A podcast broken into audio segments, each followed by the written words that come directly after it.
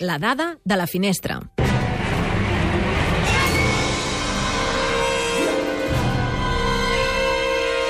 Suposo que recordeu el macabre àlbum de fotos de gent recent morta, fotografiada com si estiguessin vius.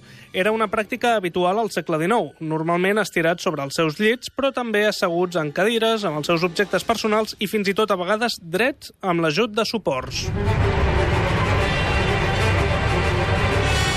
La pel·lícula comença amb la veu en off de Nicole Kidman llegint un conte infantil. Hi va haver un programa de ràdio de la BBC britànica anomenat Listen with Mother, que es va emetre entre l'any 1950 i 1982, on la narradora començava exactament amb les mateixes frases que Nicole Kidman. ¿Se han fijado en lo que estoy haciendo?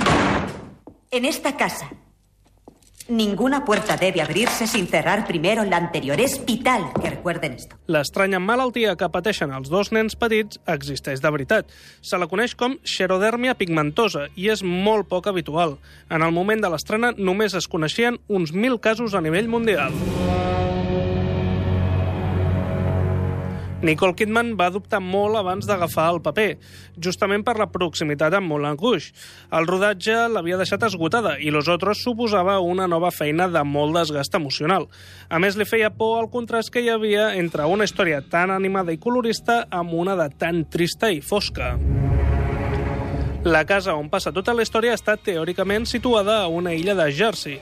En realitat es troba molt a prop de Santander. Els dos nens protagonistes van ser escollits en un càsting amb més de 5.000 participants. Primer film en rebre el Goya a la millor pel·lícula sense ni una paraula d'espanyol en ella. Curiosament, Amenábar va escriure el guió en castellà i després va ser traduït. Nicole Kidman va pressionar per la contractació de l'actor Eric Sykes, que feia de Mr. Tuttle, malgrat ser un actor teatral sense pràcticament experiència a la gran pantalla, ja que l'havia impressionat a l'obra de teatre School for Wives. Va ser el darrer paper de l'actriu Renee Asherson, la pitonissa cega del clímax final. Per cert, un clímax on molta gent no va poder evitar pensar que només nou mesos enrere ja s'havia experimentat el sexto sentido. ¿Qué ha sido eso? No lo sé. Anne, dime quién ha hecho ese ruido. No puedo decírtelo, mamá. Dímelo.